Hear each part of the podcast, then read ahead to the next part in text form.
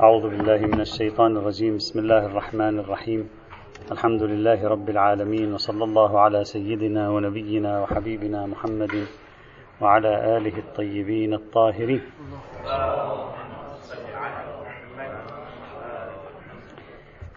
زلنا نتكلم في مفهوم تنقيح المناط وتحليل هذه القاعدة التي تداولها العلماء المسلمون. بعد إبراز تعريف أولي من كلمات الغزالي وتشريح هذا التعريف قلنا لابد من إيجاد نوع من التمييز من التقارب والتمييز بين هذه القاعدة وسلسلة من القواعد المحيطة بها. أو كما يسمى في المصنفات الموسوعية في كتب الموسوعات ودوائر المعارف أحيانا يعبر عنه بالألفاظ ذات الصلة أي الألفاظ والمفردات والمفاهيم التي يمكن أن تتواشج وتتداخل مع المفهوم الذي تبحثه فضروري أن تفصله أو أن تربطه حتى يتحدد المفهوم بشكل دقيق. بعد أن آه، تحدثنا عن موضوع تخريج المناط تحدثنا عن ارتباط نظرية تنقيح المناط بنظرية تخريج المناط ونظرية تحقيق المناط آه، انتقلنا بعد ذلك للحديث عن الارتباط بين آه، هذه النظرية ومسالك التعليل. ثم بعد ذلك انتقلنا إلى الارتباط بين هذه الفكرة فكرة تنقيح المناط ومسلك السبر والتقسيم بخصوصه. أولا أولا عرفنا التعريف الأولي بعد التحليل اللغوي فصلنا أو حاولنا أن نرى ما الفروقات التي يمكن تصورها بين تخريج المناط وتحقيق المناط وتنقيح المناط. ثم تنقيح المناط موقعه في زاوية مباحث مسالك العلة دوره في كشف العلة وعدم كشف العلة. هل هو داخل مسالك التعليل خارج مسالك التعليل؟ رأينا الاتجاهات في الموضوع. ثم انتقلنا إلى العلاقة بين مسلك السبر والتقسيم ومسلك تنقيح المناط لنرى هل هذا واحد أو اثنين بماذا يشتركان بماذا يتواشجان يتخارجان إلى آخره. فيما يتعلق بالعلاقة بين مسلك تنقيح المناط ومسلك السبر والتقسيم قلنا توجد ثلاث وجهات نظر. وجهة النظر الأولى ما يظهر من بعض حواشي آه، ابن العطار والأنصاري من أنه الفرق بينهما شبيه بالفرق بين تخريج المناط وتنقيح المناط. العنصر الفارق ما بين تنقيح المناط والسبر والتقسيم ليس سوى النص. النص هو الذي يجعل العملية اسمها سبر وتقسيم أو يجعل العملية اسمها آه، تنقيح المناط إذا كان النص يدل على العلة فعملية السبر والتقسيم إذا صح التعبير يطلق عليها تنقيح المناط وإذا كان النص ليس فيه أي إشارة إلى العلة ونحن اجتهادا واستنباطا أخذنا فرضيات العلة وبدأنا بإجراء عملية السبر والتقسيم فيها فهذه نسميه السبر والتقسيم. فالفارق بين تنقيح المناط وبين السبر والتقسيم هو وجود النص ودور النص في الكشف عن العلة بشكل من الأشكال. إذا كان موجودا فنحن مع تنقيح المناط. إذا كان غائبا فنحن مع قاعدة السبر والتقسيم. هذا وجهة النظر الأولى. وجهة النظر الثانية وثلاث وجهات نظر قلنا وصلنا إلى هنا. وجهة النظر الثانية ما يظهر أنه اختاره ابن السبكي. وكذلك الشوكاني نقله عنه ويبدو منه اختياره له أيضا. ابن السبكي في كتاب الإبهاج والشوكاني في كتاب إرشاد الفحول. الشوكاني لما نقول الشوكاني الشوكاني آه، اختلف الناس في أمره نظرا إلى كونه مجتهدا مستقلا. فهو من جهة زيدي من جهة سني من جهة ما يعني جاء موقعه في وسط المذاهب الإسلامية من حيث مدارس الاجتهاد.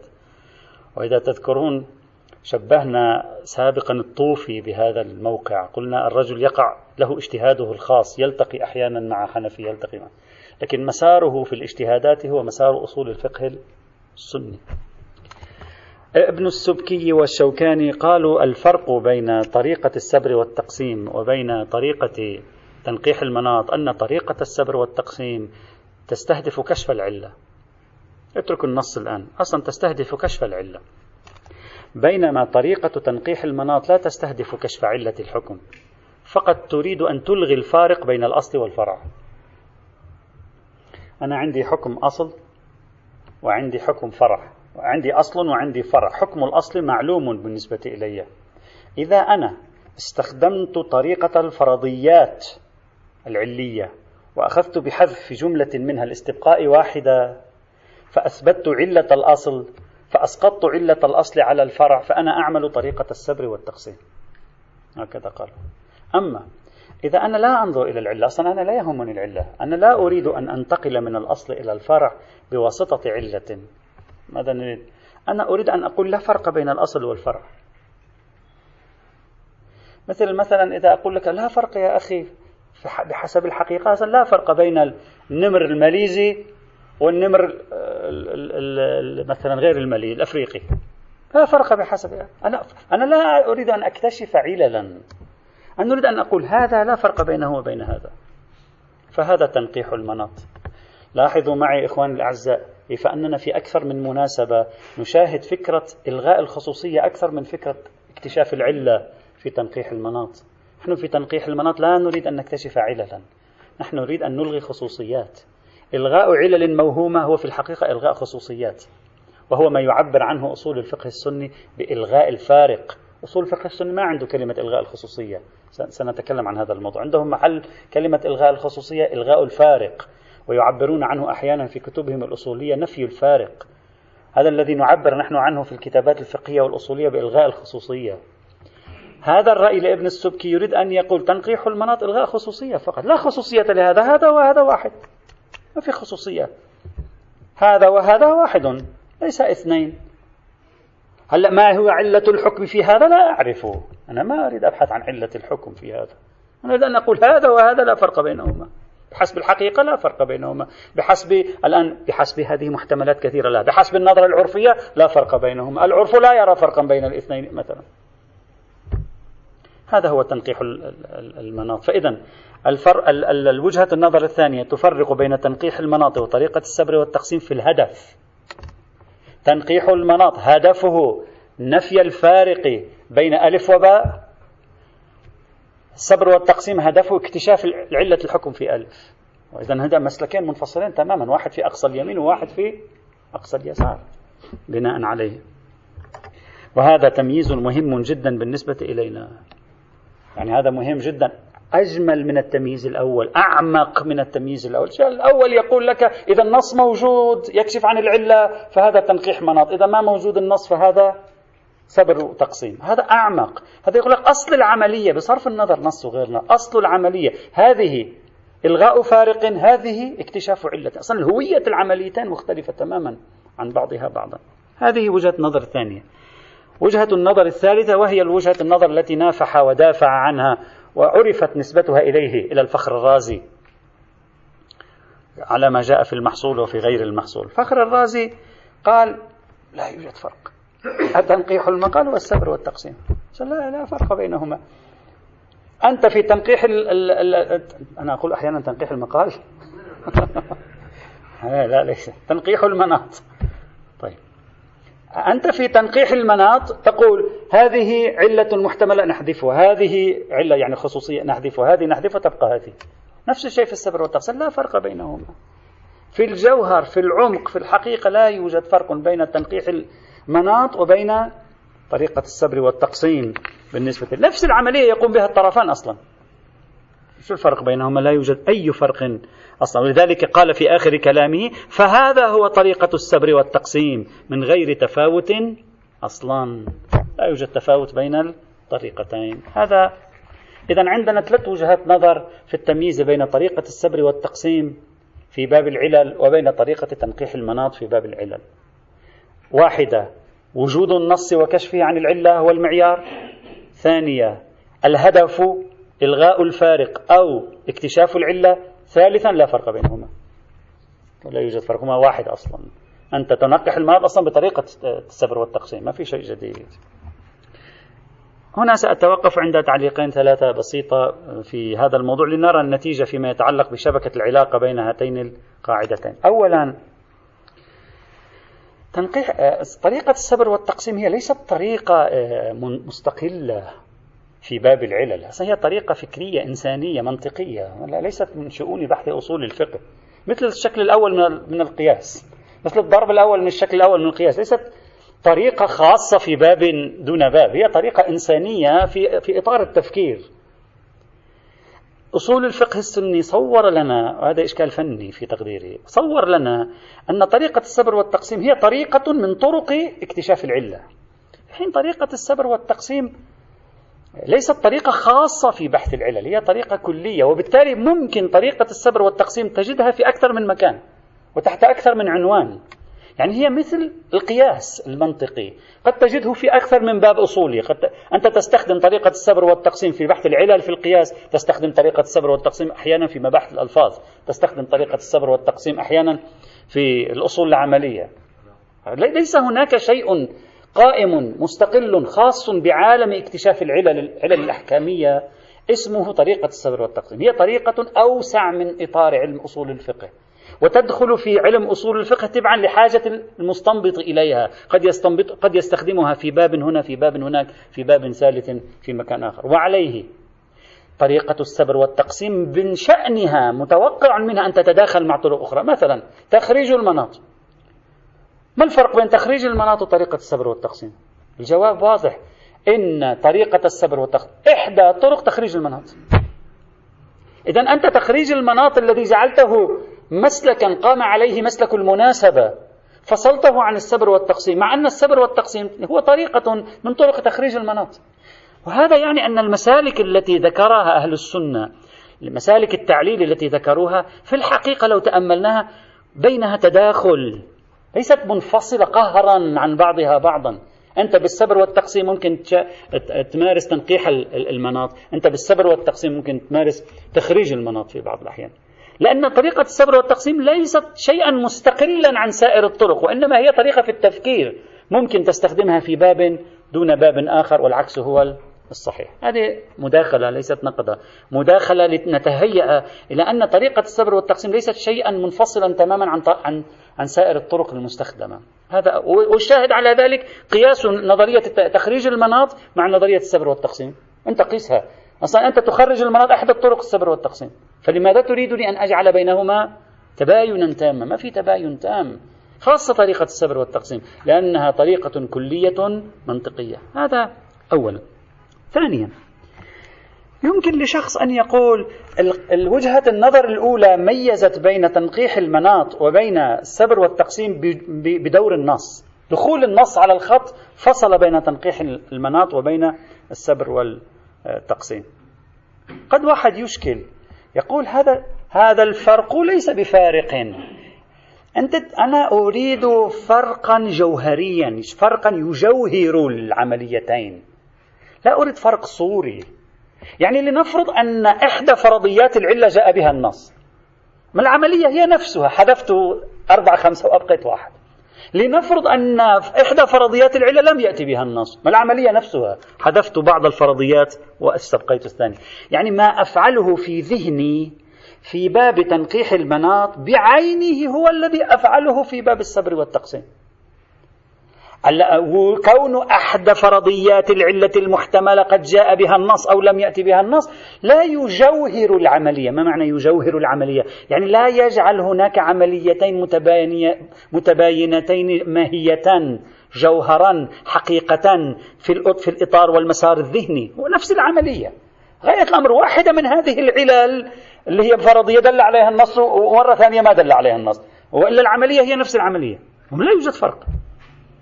إذا ما ذكره أنصار وجهة النظر الأولى من التمييز بوجود النص في دلالته على العلة أو عدم وجود النص في دلالته العلة لا يميز في الحقيقة الطريقتين عن بعضهما من حيث جوهر العملية الذهنية الموجودة فيهما. واحدة.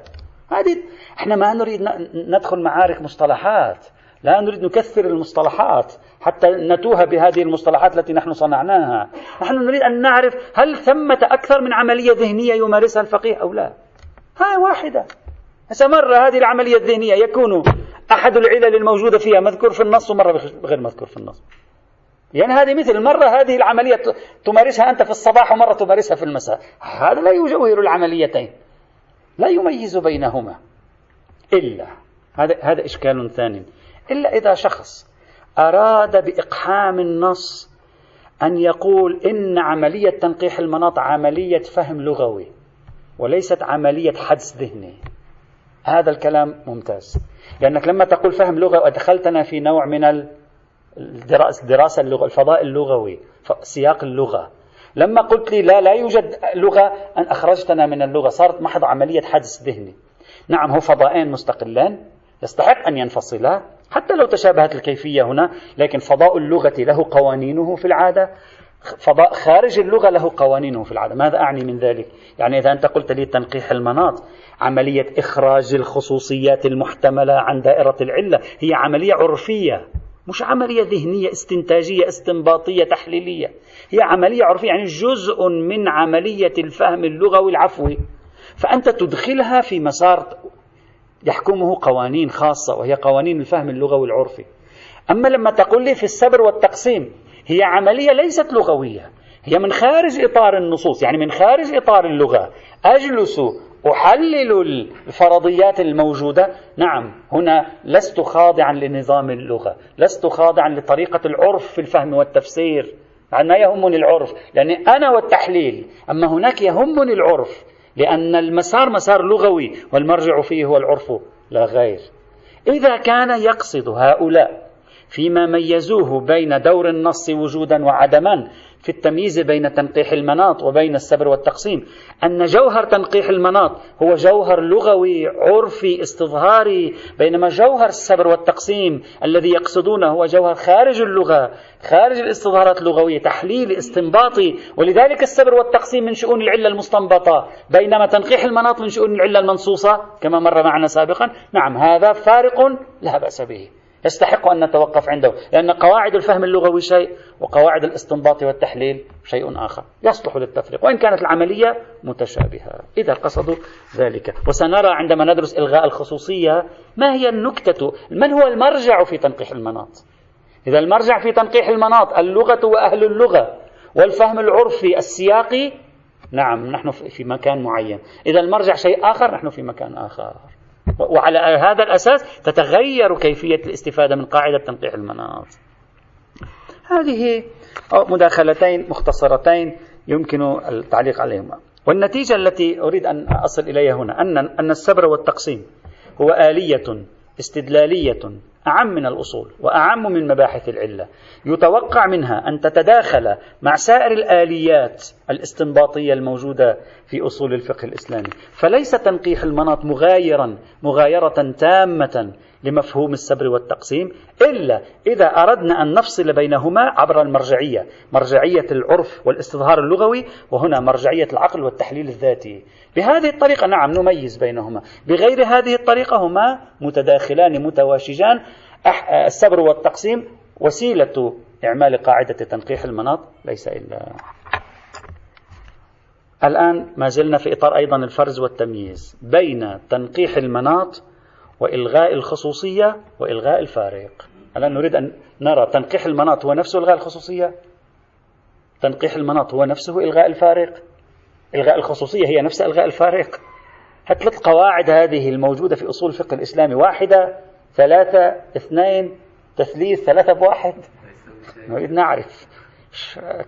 أكثر من المصطلحات فكثرت يعني فصعب السير.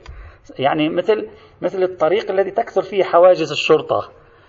الوصول كان بخمس دقائق الآن الوصول صار بساعة. لا تستطيع أن تصل إلا بساعة. على أي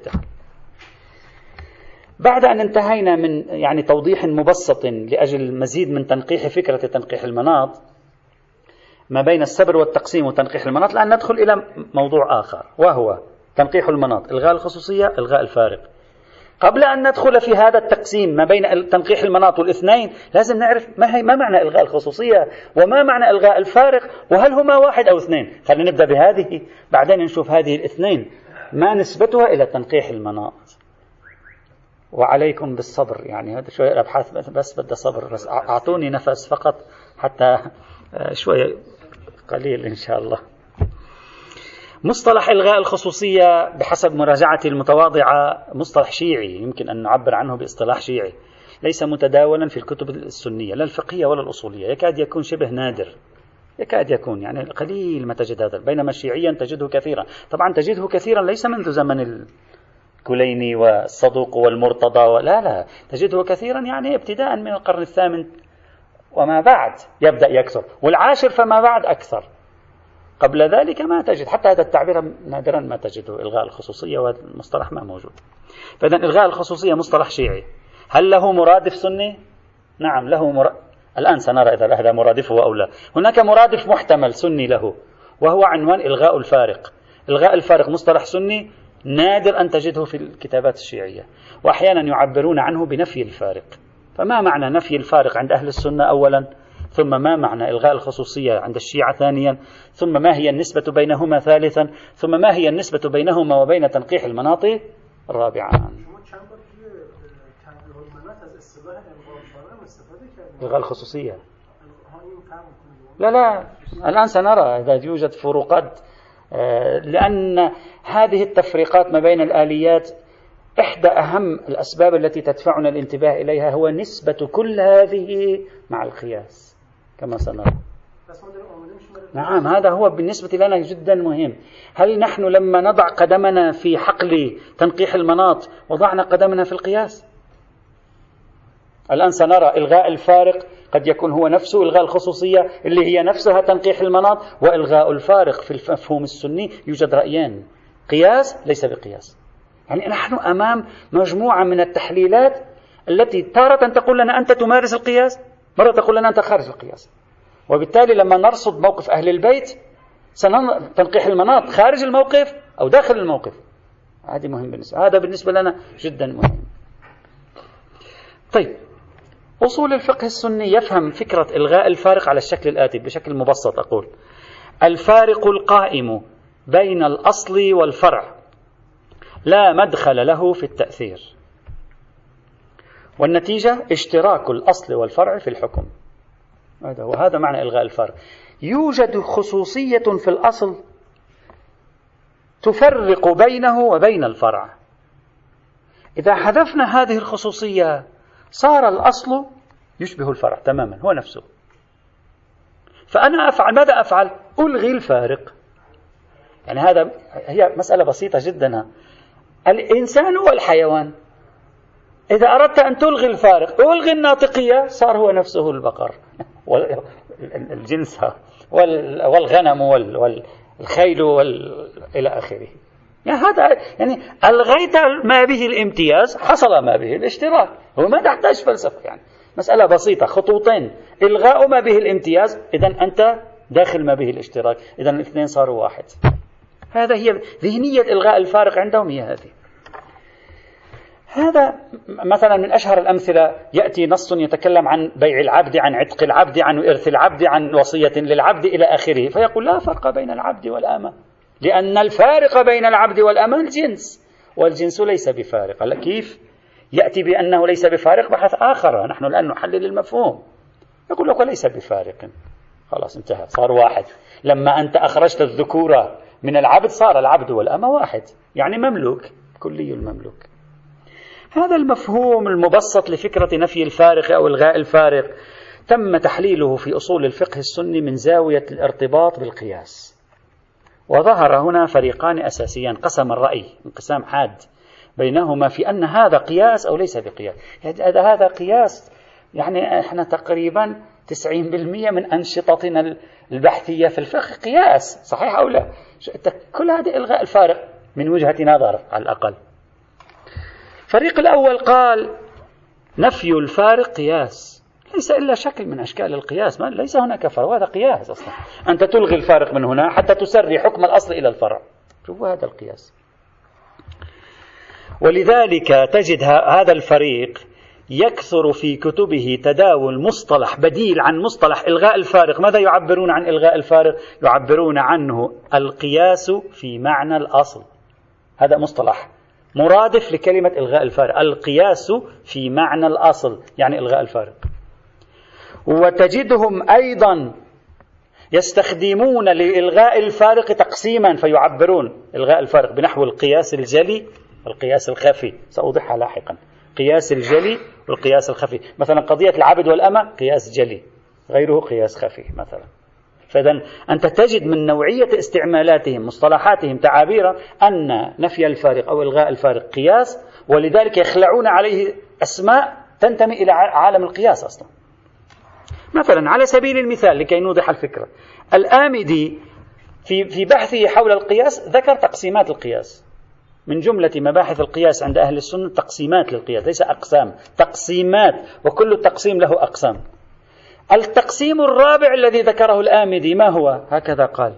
قال تقسيمه إلى ثلاثة أقسام. وفي آخره قال وأما إن كان الوصف الجامع لم يصرح به في القياس كما في إلحاق الأمة بالعبد في تقويم نصيب الشريك على المعتق بواسطة نفي الفارق بينهما فيسمى القياس في معنى الأصل.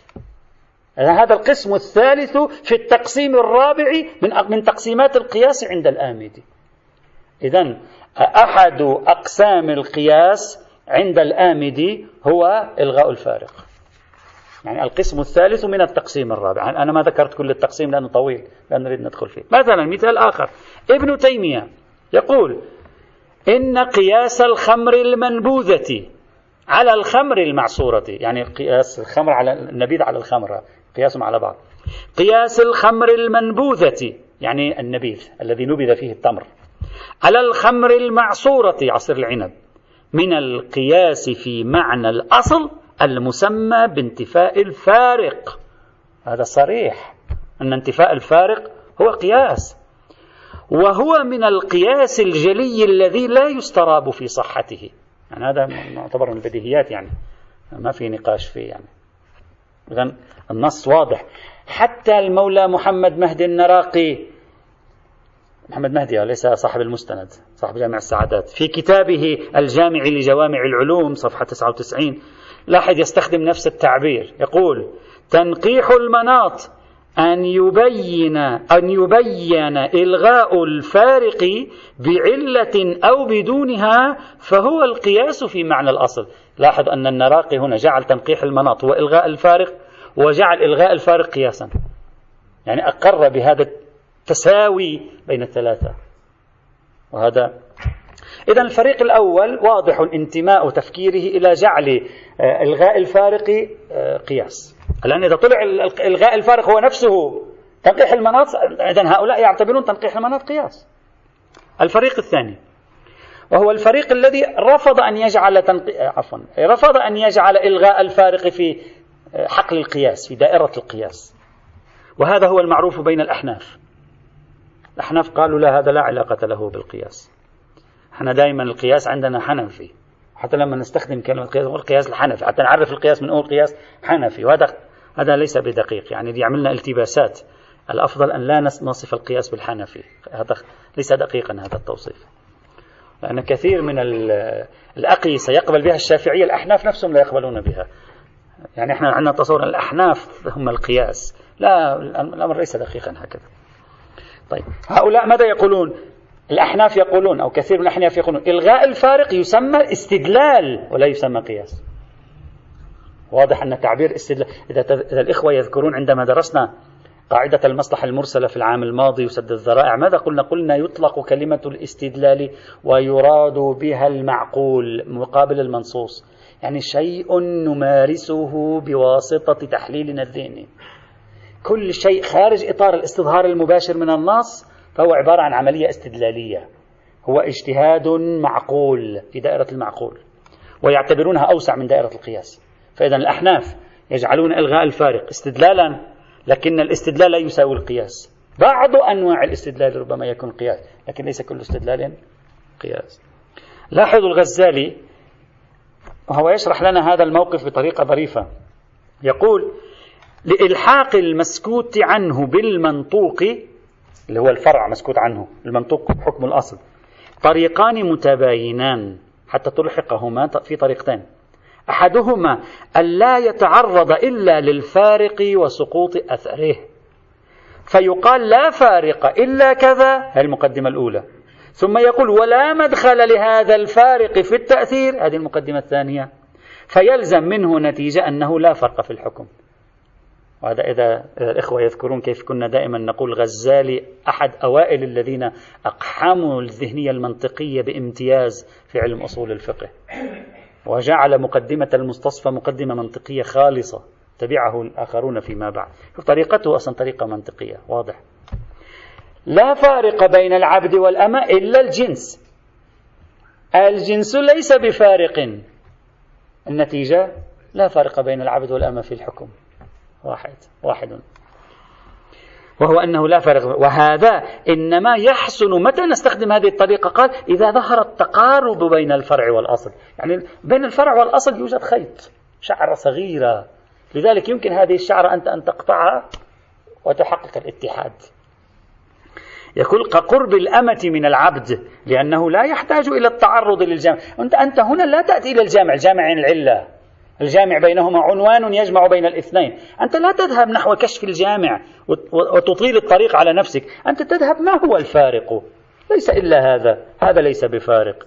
إذا الحكم واحد. هذه عملية نفي الفارق في هذا المجال. لذلك يقول الطريق الثاني أن يتعرض للجامع ويقصد نحوه. يعني في عندنا طريقين نحن لجعل المسكوت ملحوقا بالمنطوق. إلغاء الفارق الموجود في المنطوق. هذا واحد. اثنين كشف الجامع الذي انصب عليه الحكم فشمل المنطوق ثم تنزيل الجامع على الفرع اللي هو المسكوت.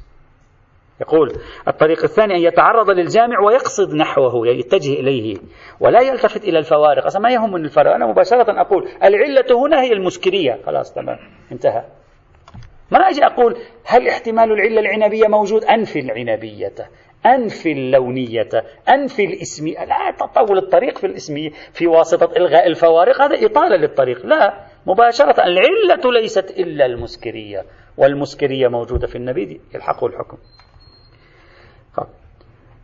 إلى إلى أن يقول إلى أن يقول إلى أن يعبر ويقول ولكن آه آه فبهذه الطريقة نعم واضح. فبهذه الطريقة فصل فصل الغزالي بين إلغاء الفارق وبين اكتشاف الجامع. ثم قال ثم قال فيقول العلة في الأصل كذا وهي موجودة في الفرع فيجب الاجتماع في الحكم. وهذا هو الذي يسمى قياسا بالاتفاق.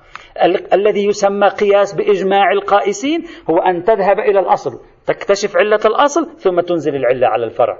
طيب الأول هل يسمى قياسا؟ قال الغزالي. أما الأول اللي هو أن لا أذهب إلى الأصل فأكتشف علته فأنزلها على الفرع. فقط أذهب إلى الأصل أنظر في الفارق ألغيه؟ قال وأما الأول ففي تسميته قياسا خلاف. هذا نص واضح على أنهم مختلفون في أن هذا قياس أو ليس بقياس. لأن القياس ما قصد به الجمع بين شيئين وذلك قصد فيه نفي الفرق. أنت بعيد عن الحق والباطل. يقول القياس تجمع بين اثنين. من هو الذي يجمع بين الاثنين؟ الجامع. لذلك سموه الجامع. يجمع بين الاثنين. أما أنت في, في إلغاء الفرق لا تجمع بين الاثنين. أنت تلغي الفرق بين الاثنين. يعني يقول عملية سلبية وليست إيجابية. ونفس هذا السلب والإيجاب يجوهر العمليتين. يجعلهما عمليتان مستقلتان بالنسبة إلينا. إذا حتى الآن صار عندنا إلغاء الفارق أو نفي الفارق في أصول الفقه السني هو حذف خصوصية ما موجودة في الأصل توجب صيرورة الأصل والفرع بلا فارق بينهما فالحكم بشكل تلقائي سينزل على الاثنين معا. هذه العملية اختلفوا فيها. هل هي قياس أو ليست بقياس؟ كثيرون قالوا هي قياس كثيرون قالوا ليست بقياس. الآن بعدين سنرى آه، نظرة مختصرة عن تقسيماتهم لهذه العملية. نحلل ما إذا كانت قياسا ثم ننتقل إلى إلغاء الخصوصية. يأتي إن شاء الله تعالى. والحمد لله رب العالمين. شيخنا هذه الحوصلة. أنا أتيت بها لم تكن. وهذه القامصة. وهذه معدة أولى.